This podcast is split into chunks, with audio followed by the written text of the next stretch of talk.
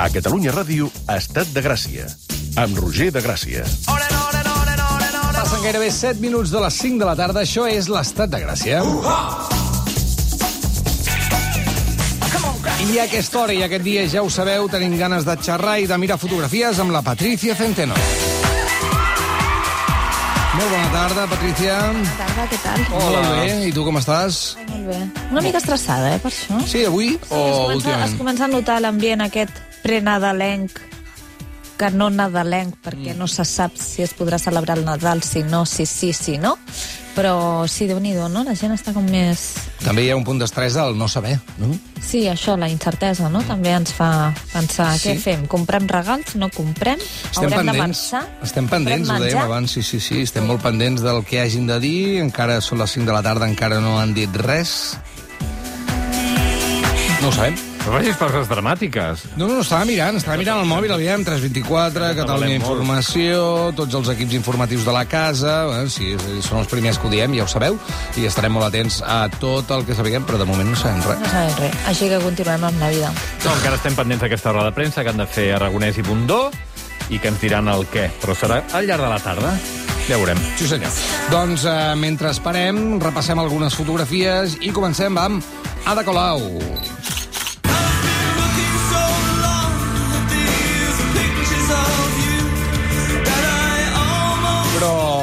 Clar, jo ho he dit en singular, però hi ha moltes Ades Colaus. Moltes, Sobretot moltes. a nivell, a nivell xarxes, una Ada Colau... Bueno, i, i en general políticament també, no?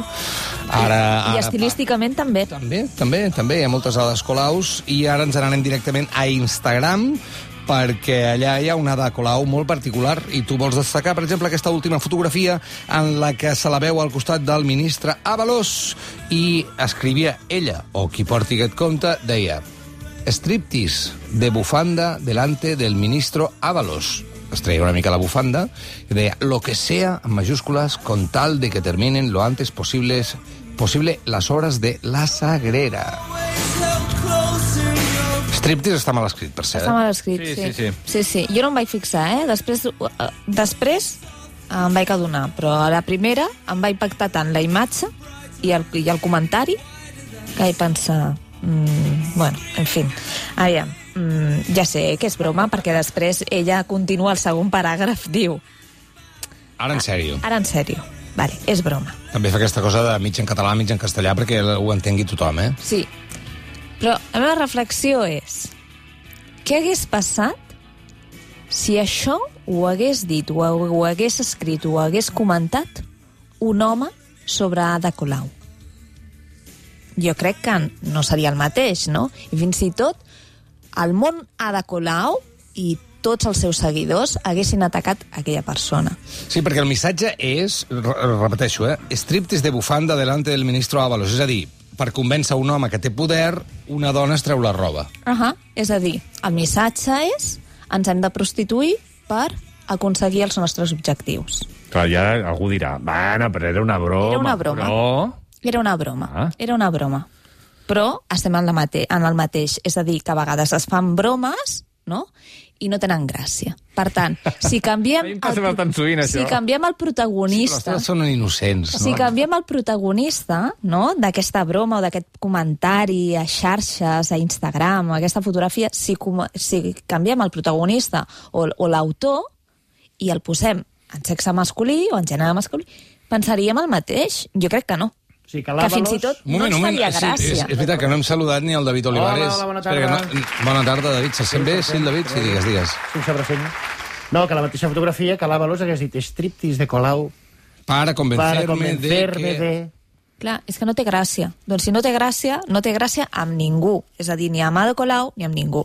I doncs tot això parteix, o bé, perquè, perquè darrerament Ada Colau, alcaldessa de Barcelona, eh, no sé si està intensificant eh, la seva presència a les xarxes socials d'una manera que no és l'habitual per un polític.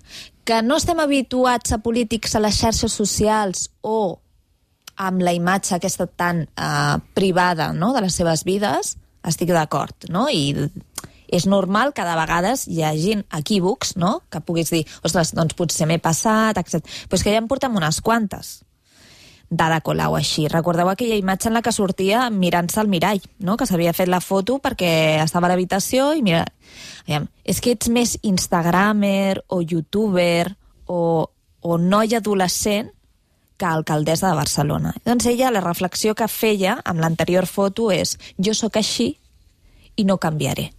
Però que és el mateix que estàvem dient al, al principi, si has canviat 300 cops. O sigui, jo no he vist cap polític que hagi canviat tants cops de, de, de camisa. Pa- Perdona, ella deia això referent a quan la van criticar per la fotografia en el reflex al mirall. I per la fotografia de l'striptease, ha dit alguna cosa? Ha reaccionat d'alguna manera? No tinc uh, constància de que hagi dit res. Val. Eh, jo crec que és que amb aquesta la patinada ha sigut pitjor, perquè realment, clar, ella es queixava de l'anterior fotografia que tothom criticava el seu comportament per ser una persona normal i la seva roba perquè no era prou guapa.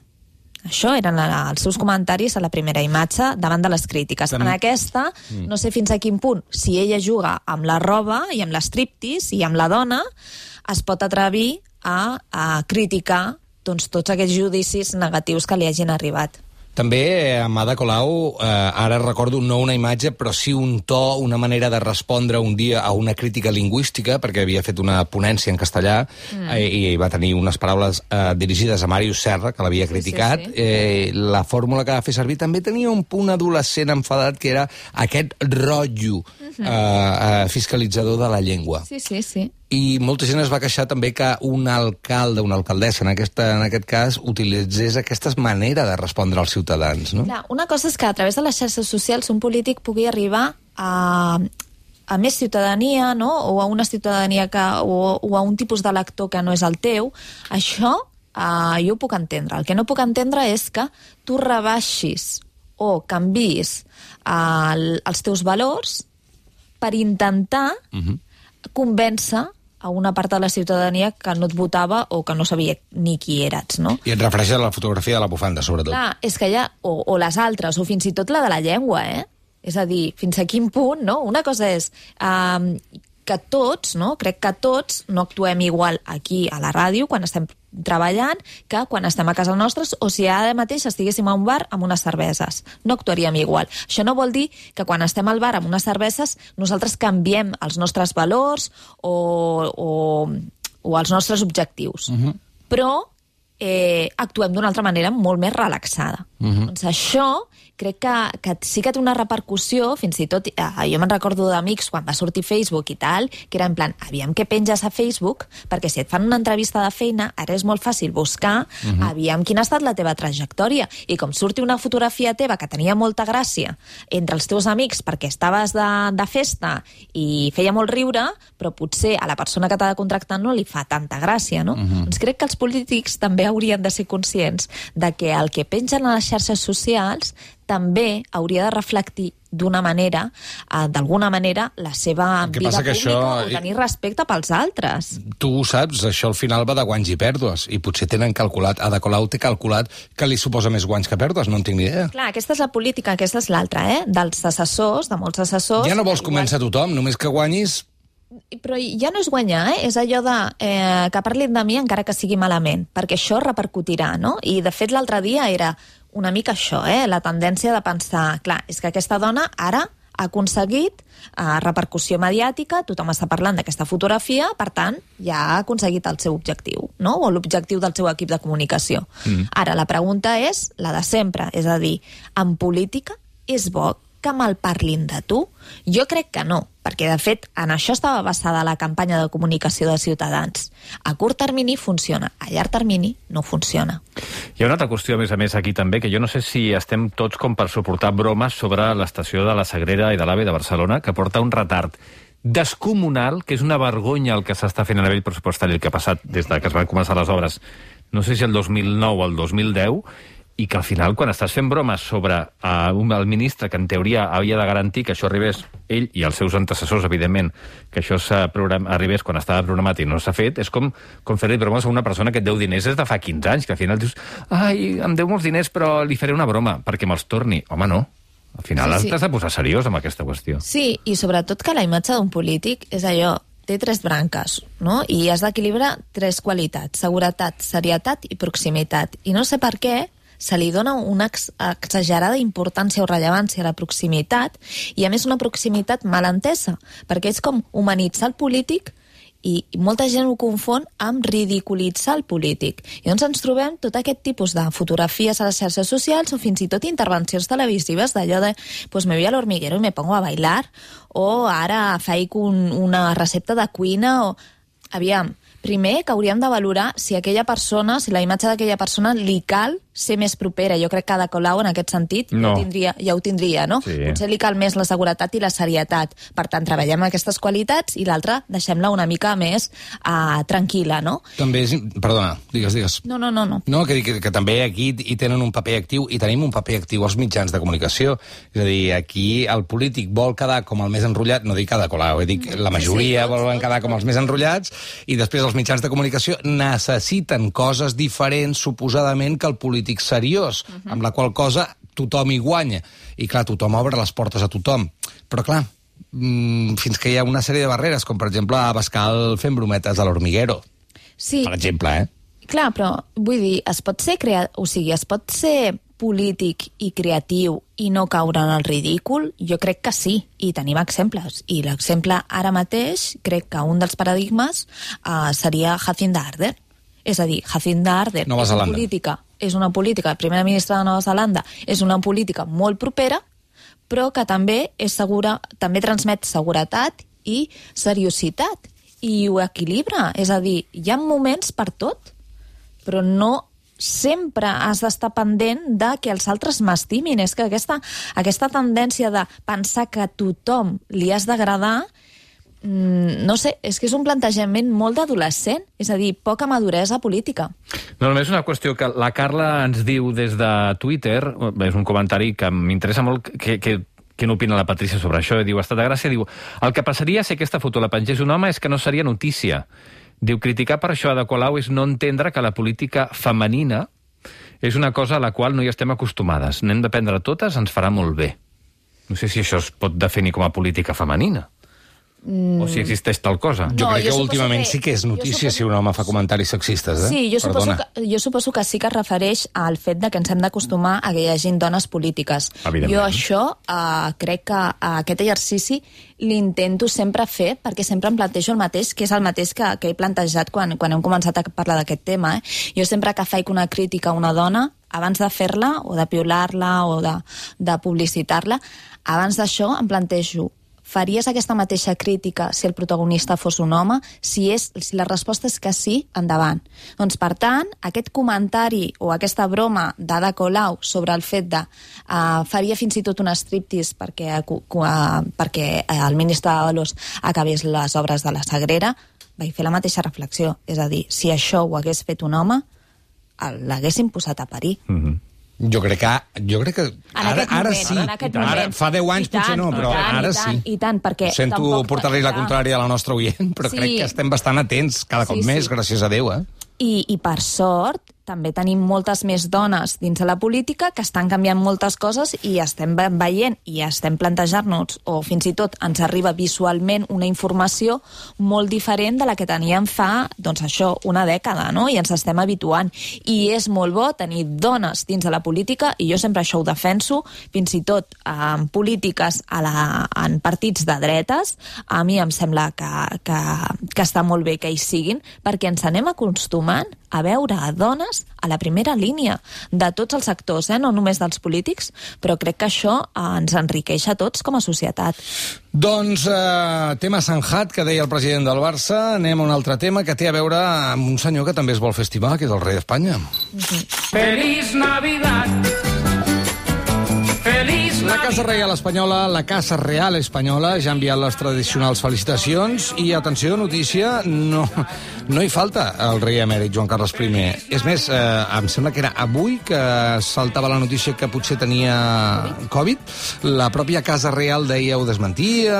desmentit que estigués ingressat, però no ha desmentit que hagués patit Covid ni que la setmana passada hagués estat ingressat. D'acord, no, perquè algú era molt interessant la paradoxa, perquè algú a Twitter deia però la Casa Real Espanyola no va dir fa poc Que que, el rei ja no era Clar. cosa seva i ara de sobte dona informació i l'inclou aquí la felicitat. Clar. Què locura és esta? Sí, sí, sí, és allò de dir, ostres, et pots O desvincular... és dels nostres o no? Clar, et pots desvincular i dos dies després de que aquest home pagués, l'emèrit, pagués més de 600.000 euros a Hisenda per intentar regularitzar el seu cas, que dius, ostres, 600.000 euros, em sembla, anar, em sembla com que... Xavalla. Sí. La xocolata del lloro. Sí, vaja.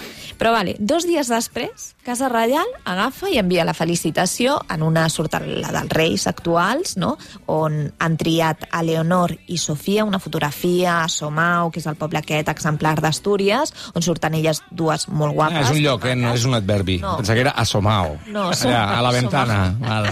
Somau. I surten les dues nenes doncs, molt maques. Uh. -huh. eh, I doncs firmen els quatre, la família reial, que són quatre, Felip, Letícia, eh, la princesa Leonor i Sofia.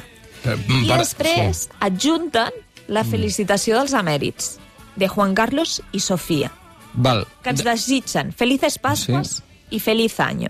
I va Felipe. acompanyat d'una imatge del retaule de la nativitat de Juan Correa de Vivar, eh, que està exposat, un quadre que està exposat al Museu del Prado. Uh -huh. Ara, dos dies després de que aquest home retorni o pagui a Hisenda 600 600.000 euros, que et desitgi bones Pasques, Sí, fa una mica de Una mica cosa. cínic, no? Una mica de cosa. cínic i em callo la resposta. O sigui, jo quan vaig veure la felicitació vaig pensar...